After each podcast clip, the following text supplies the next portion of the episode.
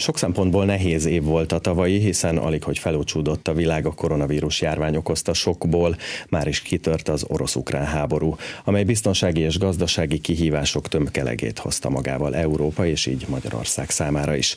Emellett újra felerősödött a déli határainkat érő migrációs nyomás, amely ez alkalommal a tél beálltával sem csitult.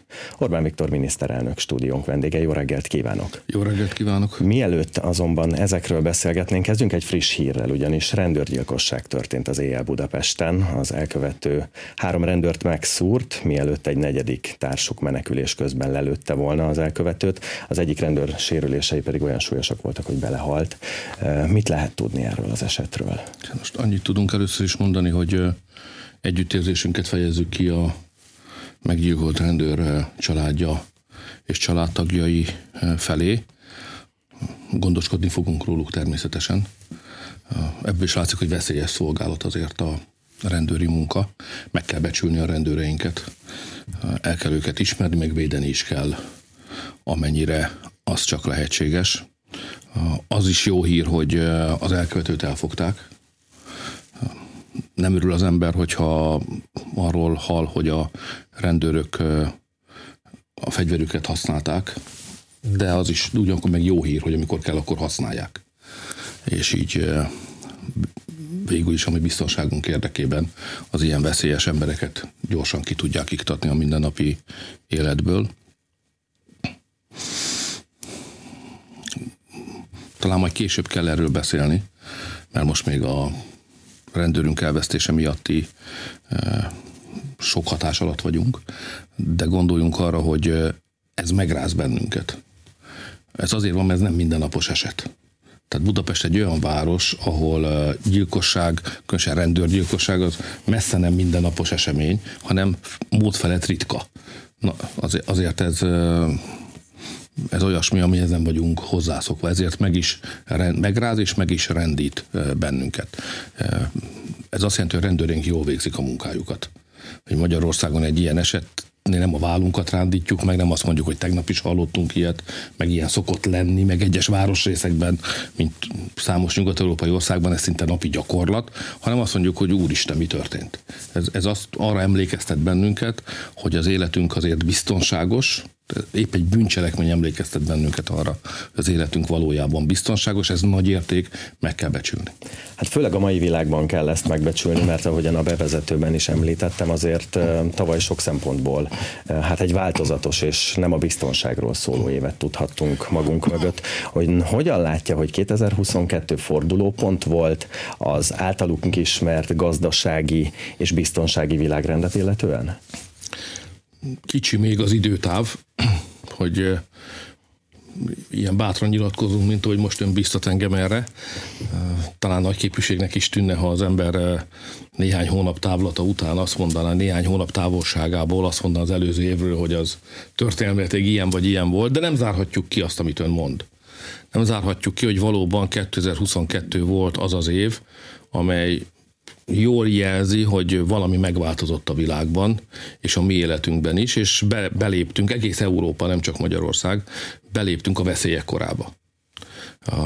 Az ember gondolhatta azt a pandémia időszakában 2020-ban, hogy néhány, néha kitör világjárvány, de ez nem egy korszakos dolog, hanem ez lefut mint hogy le is futott egy-másfél év alatt, különösen, hogyha olyan jól dolgoznak az egészségügyi szakemberek, mint ahogy Magyarországon dolgoztak.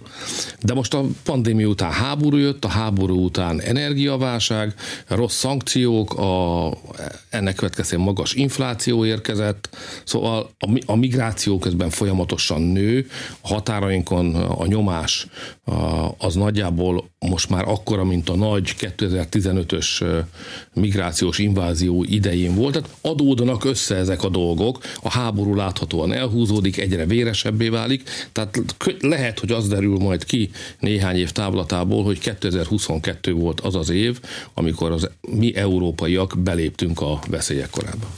Mit tud ebben a helyzetben kezdeni Magyarország, vagy hogyan hathat ez a hosszú távú jövőjére nézve? Mert földrajzi értelemben, és nyilván ebből fakadó kulturális és társadalmi vonatkozásaiban itt vagyunk a két nagy tömb között. Ez nyilván békeidőben jó, mert mindkét felet talán jobban értjük, mint ők egymást, de ilyenkor, amikor nincs párbeszéd, Ez rejthette veszélyeket magában? Vagy ismét a lehetőségekről kell, hogy szóljon? Igen, szerintem azt a kérdést kell először tisztáznunk, illetve a magyaroknak tisztázniuk magukba, hogy hogyan viszonyulunk a veszélyhez magához. És két módon lehet viszonyulni. Ez a magánemberek életében épp úgy igaz, mint a nemzet vagy az állam életében. Az első dolog, hogy ilyen sündisznó módjára viselkedünk. Az ember össze gömbölyödik, tüskéit kifordítja, és a veszélyre, védekezésre válaszol. Ez egy értelmes magatartás, mert több veszélyek időszakában védekezni kell. De ugyanakkor önveszélyes stratégia is, mert megbénít. Tehát akkor kifordítod a bundádat, kifele vannak a tüskéid, de te nem mozdulsz. Most szerintem a politikában ez nagyon nagy hiba. Látok országokat, meg vezetőket, akik így reagálnak egy-egy válságra. Megdermednek. A, leg, a legfontosabb szerintem a, egy, a magyarok számára, hogy tevékenyen kell reagálni, aktívan kell reagálni a válságra. Ahogy, ahogy magyar nyelv mondja, ne hagyjuk magunkat. Tehát lehet, hogy veszélyek vannak, de Magyarország nem hagyja magát. 2002 azért volt egy fontos év, az én szívemnek egyébként kedves év, nyilván a választások eredménye is befolyásolja az ember érzéseit, mert Magyarország az összes veszélyre aktívan reagált. Mi cselekedtünk, nem hagytuk magunkat. Magyarország nem hagyja magát. Lehet, hogy tömbök lesznek, ahogy ön mondja, elhúzódik a háború, itt ez a nyavajás szankciós rendszer, ami az inflációt meg az energiárakat az égbe viszi, de de nem megdermedünk, nem megúszni akarjuk, nem túl akarunk rajta lenni, hanem védelmi állásokat építünk ki, védvonalakat húzunk föl, válaszolunk, bevezettük a rezsivédelmi alapot. Igaz, kétségkívül, hogy a, az elhibázott uniós szankciók miatt energiafelárat kell fizetni az egész világnak, és Magyarország mondjuk 2021-ben a behozott energiáért, mert a magyar energia, amit használunk, nagyrészt külföldről származik, azért fizettünk mondjuk 7 milliárd eurót, 2022-ben pedig 17 milliárdot, de nem azt mondtuk, hogy emberek, hát ilyen a helyzet, mindenki vegyen elő több pénzt, azt éljétek túl. Nem ezt mondtuk, azt mondta a magyar kormány, fogjunk össze, állítsunk föl közösen egy rezsivédelmi alapot, ahol extra profit keletkezik bankszektor, energiaszektor, és még néhány más kereskedelem, és itt onnan gyűjtsünk be pénzt, ezt tegyük be a rezsivédelmi alapba, és onnan védjük meg a rezsicsökkentett árakat, legalább az átlagfogyasztás szintjéig védjük meg a családokat. Ez egy, ez egy veszélyre adott tevékeny válasz. Ez a dolog lényege. És ezt várom Magyarországtól, magunktól, de különösképpen a kormánytól, hogy a 23-as évben, ahol újabb veszélyek, a régiek is maradnak, és lesznek újabb veszélyek is, amikor ezek bekövetkeznek, így ezzel a hozzáállással kezelje a bajokat. Azért ne felejtsük el, hogy ezt lefordítjuk a mindannyiunk számára érthető nyelvre, az, hogy Magyarország nem egyszerűen áthárította, mint a legtöbb országban, szinte mindenhol, a megnövekedett energiárakat az emberekre, hanem egy rezsivédelmi alapot állítottunk föl, és megvédtük a rezsicsökkentett árakat, ezzel minden egyes magyar család havonta kapott 181 ezer forintot. Ami persze nem tűnik fel az embereknek, mert nem hozta a postás, és nem adta be a 181 ezer forintot, de nem is jött senki, aki elvigye. És, és ezért nem engedtük, hogy családok milliói menjenek tönkre. Hány magyar család ment volna tönkre, ha megfogadjuk azt, amit a liberális közgazdászok, meg a, meg a magyar baloldal mond, hogy észszerűtlen a rezsipolitikánk, észszerűtlen a rezsicsökkentés, ezt nem lehet kibírni, rá kell engedni az emberekre az árakat. Ha ezt tettük volna, hát szerintem legalább egy millió család Magyarországon, a szegényebbek mind tönkre mentek volna. Tehát védekezni kell, a veszélyre a helyes válasz aktív cselekvő védekezés. Beszélünk majd még a magyar gazdaság helyzetéről, de hát azért az Európai Unió is adott a veszélyre tevékeny választ. Ez a szankciós politika volt 2022-ben.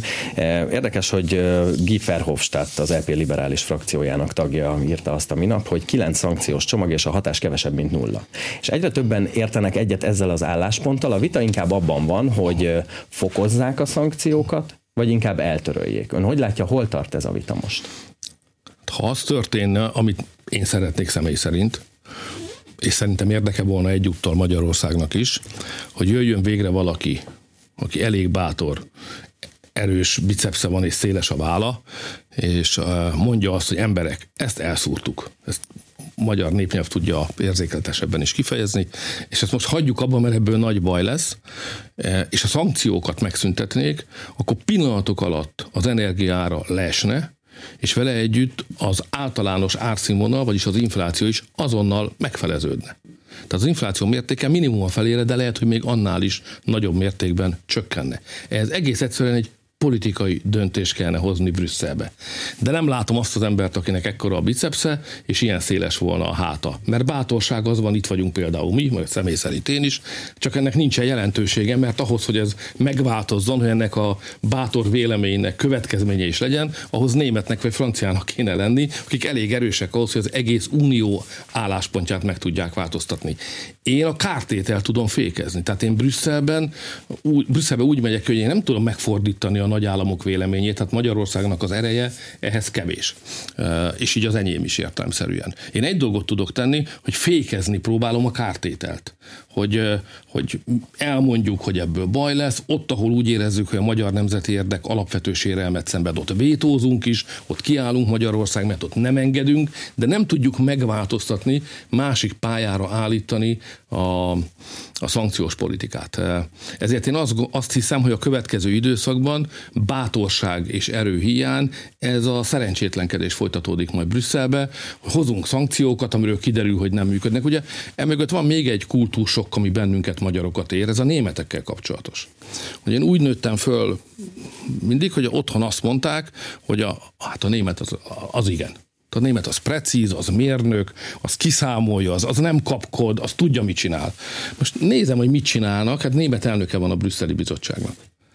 Hát ezek a szankciók el vannak szúrva, ezek el vannak kalkulálva, ezek szakmai szempontból nincsenek végig számolva. Tehát, tehát a, a németek, a német mérnöki precizitásból fakadó válságkezelő képességbe vetett hitünk, hitem is jelentősen csökkent az elmúlt időszakban. Hát közben a károk viszont egyre nagyobbak. Egy tegnapi Euróbarométer felmérés szerint az Európai Unió lakóinak 39%-a nem tudja időben befizetni a rezsiszámláit. Ez egy óriási arány azért 39 százalék, és felmerül az a kérdés, főleg a korrupciós botrány fényében, hogy valójában kinek az érdekeit szolgálja Brüsszel? Hát nézze, amikor beszélgetek a többi európai vezetővel, és kiderül, hogy Magyarország egy olyan rezsivédelmi rendszert működtetünk, ami forintról, euróra átszámolva havonta mintegy 450 eurót ad minden családnak, akkor ezt nem, először nem hisz, azt rosszul hallanak.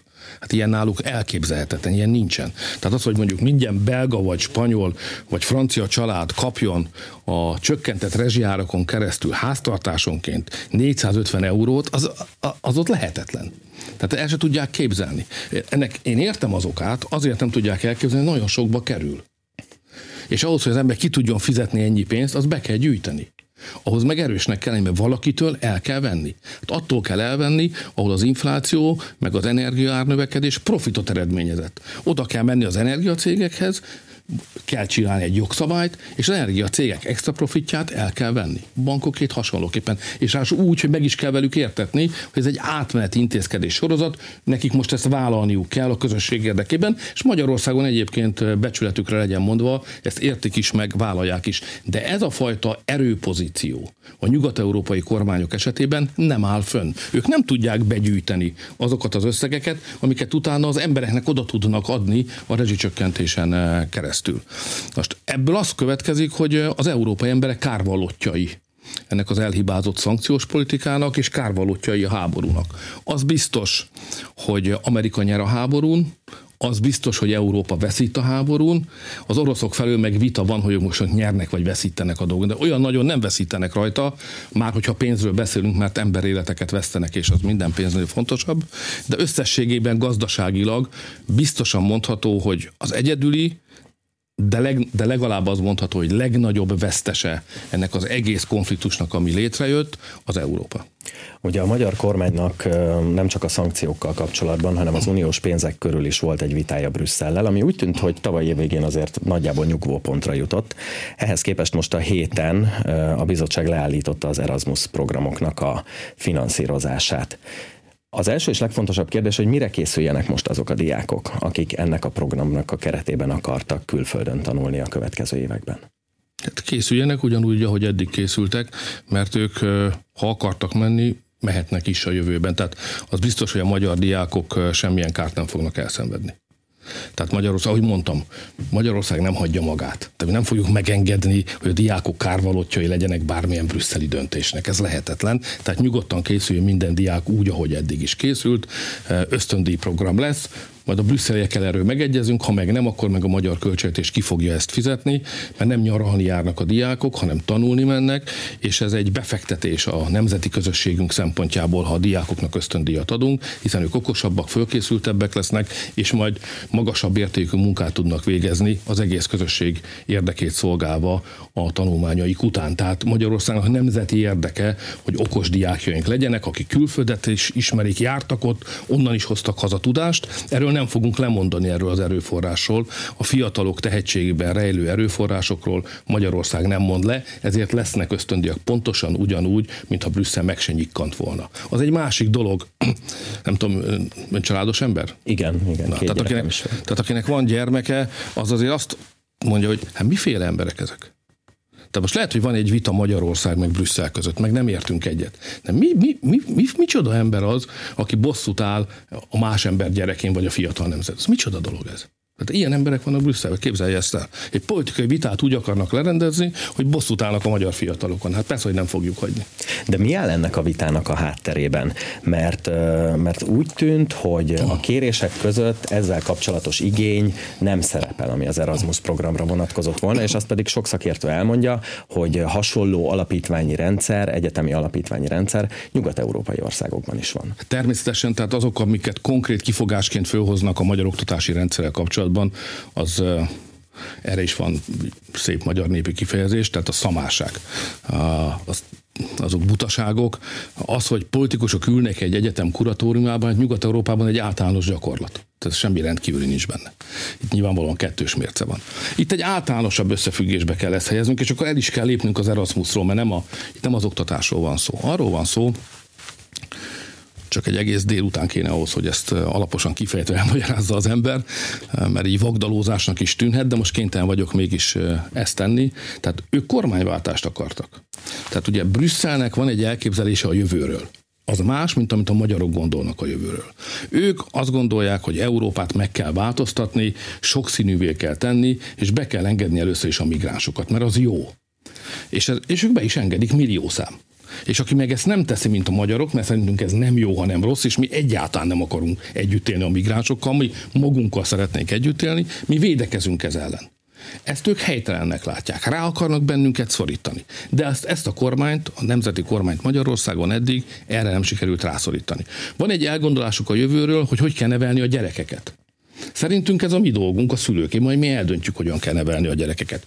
Ők ezekben a zavaros kérdésekben, mint ez a homoszexualitás, LMBTQ, ez egész nem identitás kérdésben, azt gondolják, hogy itt vannak civil társadalmi mozgalmak, és ezeknek jelentős szerepet kell játszani a gyerekek nevelésébe, időnként a szülők helyett is. Engedjük hát be őket az iskolába. Nekünk föláll a szőr a hátunkon ettől, hogy a mi gyerekeinkhez ilyen emberek fognak beszélni az iskolába ráadásul. Mindenfajta szerintünk marhaságokat az életről, hát majd mi elmondjuk, hogy szerintünk milyen útravalóval érdemes egy fiatal embernek elindulni az életbe. De szerintük ez nem helyes, amit mi csinálunk. És harmadrészt, ők minél több jogkört el akarnak vinni Brüsszelbe, mert ők egy nagy európai birodalmat akarnak, amiben nem tagállamok vannak, hanem inkább provinciák helytartóságok. Mi pedig magyarok vagyunk, és nekünk a nemzeti függetlenség olyan, mint a levegővétel, ragaszkodunk hozzá. Ez a vita lényege. Ők azt mondják, hogy miután a magyar kormány folyamatosan kiáll a saját fölfogása és a magyar érdekek mellett, kormányváltást kell elérni Magyarországon. A választás előtt is ezt akarták. Hát ezért vásárolták meg a magyar baloldalt.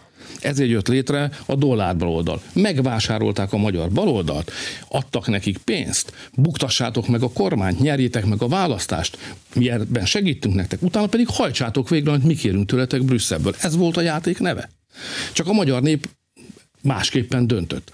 És Brüsszel azzal szembesült, hogy a kormányváltást akart, de a magyar nép meg más szeretett volna. És most mit kezdjen ezzel a kormányjal? És megpróbál bennünket mégiscsak a választási eredményektől függetlenül rászorítani arra, hogy azt tegyük, amit Brüsszelből helyesnek gondolnak. És minden konfliktus, ami fönnáll, Erasmus-tól, az mind ebben az összefüggésben értelmezendő. És ők azt gondolták, ennek a fél évnek ez volt mondjuk úgy, hogy intellektuálisan, rejtett módon a legizgalmasabb metszete, ők azt gondolták, hogy Magyarországot pénzügyi sarokba lehet szorítani.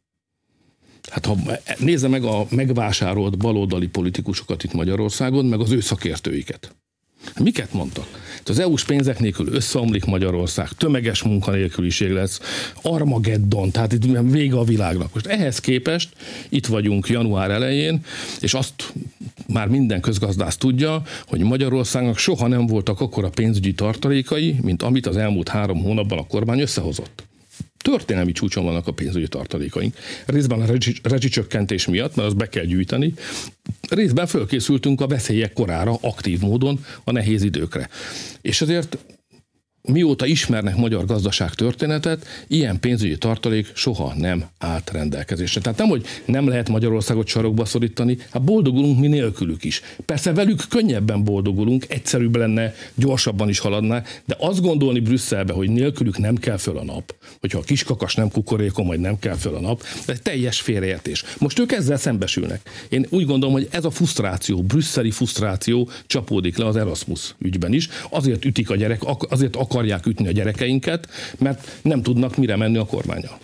Ha már említette a tartalékokat, akkor beszéljünk arról, hogy mire elég ez. Ugye a 2023-as költségvetést módosították, és arról már beszéltünk, hogy a lakosságot hogyan védi idén is a rezsicsökkentés. De mi a helyzet a vállalkozásokkal? Mert a munkahelyek megtartásának a kulcsa, az mégiscsak náluk van.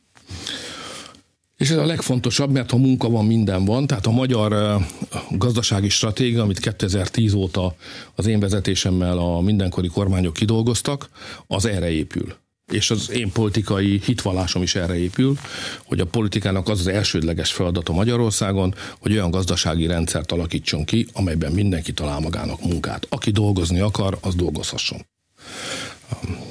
Ez eddig sikerült. Hát több mint egy millió emberrel többen dolgoznak most, mint 2010, tehát a baloldali kormányok idején dolgoztak. Ez egy óriási szám, és hiába volt a 2022-es év a veszélyek éve, hiába volt elhibázott szankció, hiába volt szankciós felár az energiánál.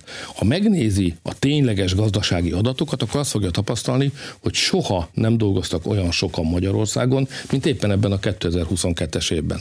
Ha ezt az évet megnézi, akkor azt fogja látni, hogy a Magyarországról érkező beruházások szemben a brüsszeli szándékkal, amely pénzügyileg sarokba akart bennünket szorítani, a Magyarországról érkező beruházások sohasem voltak olyan magasak egy évben, mint éppen 22-ben, és én biztosan mondhatom önnek, hogy 2023-ban még magasabbak lesznek. Újabb rekordot fogunk dönteni. Tehát az igazság az, hogy maga, maga a magyar gazdaság köszöni szépen jól van, jól működik. Nem veszít munkahelyet, nincsen csőd hullám, vannak nehézségek a magas energiárak miatt. Ez komoly kihívás jelent a cégek tulajdonosai és vezetői számára. Át kell alakítani a gazdálkodásukat, profilt kell váltani, energiatakarékos megoldásokat kell bevezetniük, tehát dolgozniuk kell, hogy, ki, hogy kivédjék eh, ennek a gazdasági helyzetnek a következményeit, de úgy látom, hogy a magyar tőketulajdonosok és vállalat vállalatvezetők elég tehetségesek és fölkészültek ahhoz, hogy ezt meg tudják tenni. A kormány is megadja a segítséget, mert nekünk vannak kisvállalkozókat támogató programjaink, a Széchenyi Kártya programon keresztül van hitelezési programunk, és van gyármentő programunk is. Tehát mi folyamatosan konzultálunk, együttműködünk a gazdasági élet szereplőivel, ők jelzik, hogy hol szorít a cipő, hol kellene segítség, és elég gyorsan meg tudjuk hozni azokat a döntéseket, amelyekkel ők meg tudják tartani a munkahelyeket. Én a 23-as év legfontosabb feladatai közül is első helyre sorolom, hogy védjük meg a munkahelyeket. Ugye egy kérdés a munkahely, a másik kérdés pedig az, hogy mennyi bért kapunk azért a munkáért. És ugye ebből a szempontból egy OECD tanulmány szerint az első háromnegyed évben, a tavalyi év első háromnegyed évében Magyarország volt az egyedüli uniós ország, ahol reál bérnövekedés volt, tehát a bérnövekedés üteme meghaladta az inflációét. Tartható ez? Idén is. Egyrészt azért, mert látjuk, hogy azért az európai gazdaság az valószínűleg recesszióba fog süllyedni, másrészt látjuk, hogy itthon az infláció azért elég magas. Hát a bérekről alapvetően nem a kormány dönt. És ez jó van így, mert az, hogy mi a bér, amit elbír egy gazdaság, mi az, ami az embereknek is jó, meg nem teszi tönkre a cégeket, azt nem a kormány tudja eldönteni, hanem a gazdaság élet szereplői. Ezért nálunk olyan rendszer van, hogy a minimálbérről a, a munkaadók meg a munkavállalók megegyeznek. A kormány csak jóvá hagyja, aztán kihirdeti.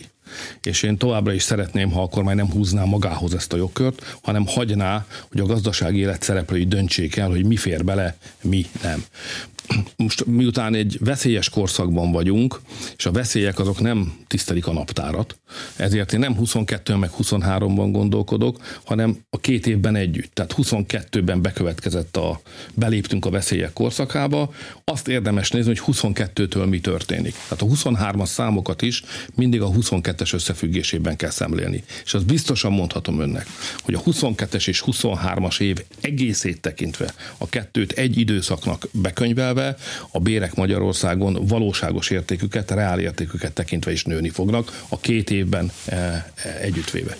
Hogyan látja mindezeket összegezve, hogy elkerülhető a gazdaság visszaesése ebben az évben, ugye amire Európában számítanak? Hát én pont fordítva, tehát amit az előbb is mondtam, mi nem sündisznók vagyunk, hanem, hanem aktív válságkezelők. A kormány ambiciózus, ezt a kormány sok mindennel lehet vádolni, nem is hibátlan egyébként de egy dologon sose vádolták, hogy lusta lenne. Vagy hogy kivárna, vagy hogy elbizonytalanodna, vagy hogy, vagy hogy ölbejteni a kezét, ez nem jellemző, ez egy cselekvő kormány, és ezért ambiciózus is, mert hát mégiscsak van az embernek önbecsülése, meg az országnak is van egy közös önbecsülés, és a magyarok baja mindig akkor van, akkor súlyosbodik, hogyha a magyarok az önbecsülésüket valahogyan elejtik, elfeledkeznek róla, és méltat, saját magukhoz képest méltatlanul viselkednek. És a kormánynak az a dolga, hogy folyamatosan bizonyítsa az egész nemzeti közösség előtt, hogy egy komoly ország, nagy dolgokra képes, ezért ambiciózus célokat kell kitűzni. És ez így van 2023-ban is. Ezért szoktam én ezt úgy mondani, már elnézést, hogy magamra hivatkozok, hogy miközben válságot is kezelni kell, a nagy nemzeti céljainkat nem adjuk föl. Hát aki ezután szül például gyereket és 30 évnél fiatalabb, az adómentességet fog kapni. Tehát a család támogatási rendszert nem szűkítjük, hanem bővítjük. A munkájvédelmi eszközöket nem szűkítjük, hanem bővítjük, és így tovább. Tehát biztos vagyok abban, hogy a magyar kormánynak ambíciózus célt kell kitűzni a 23-as évre.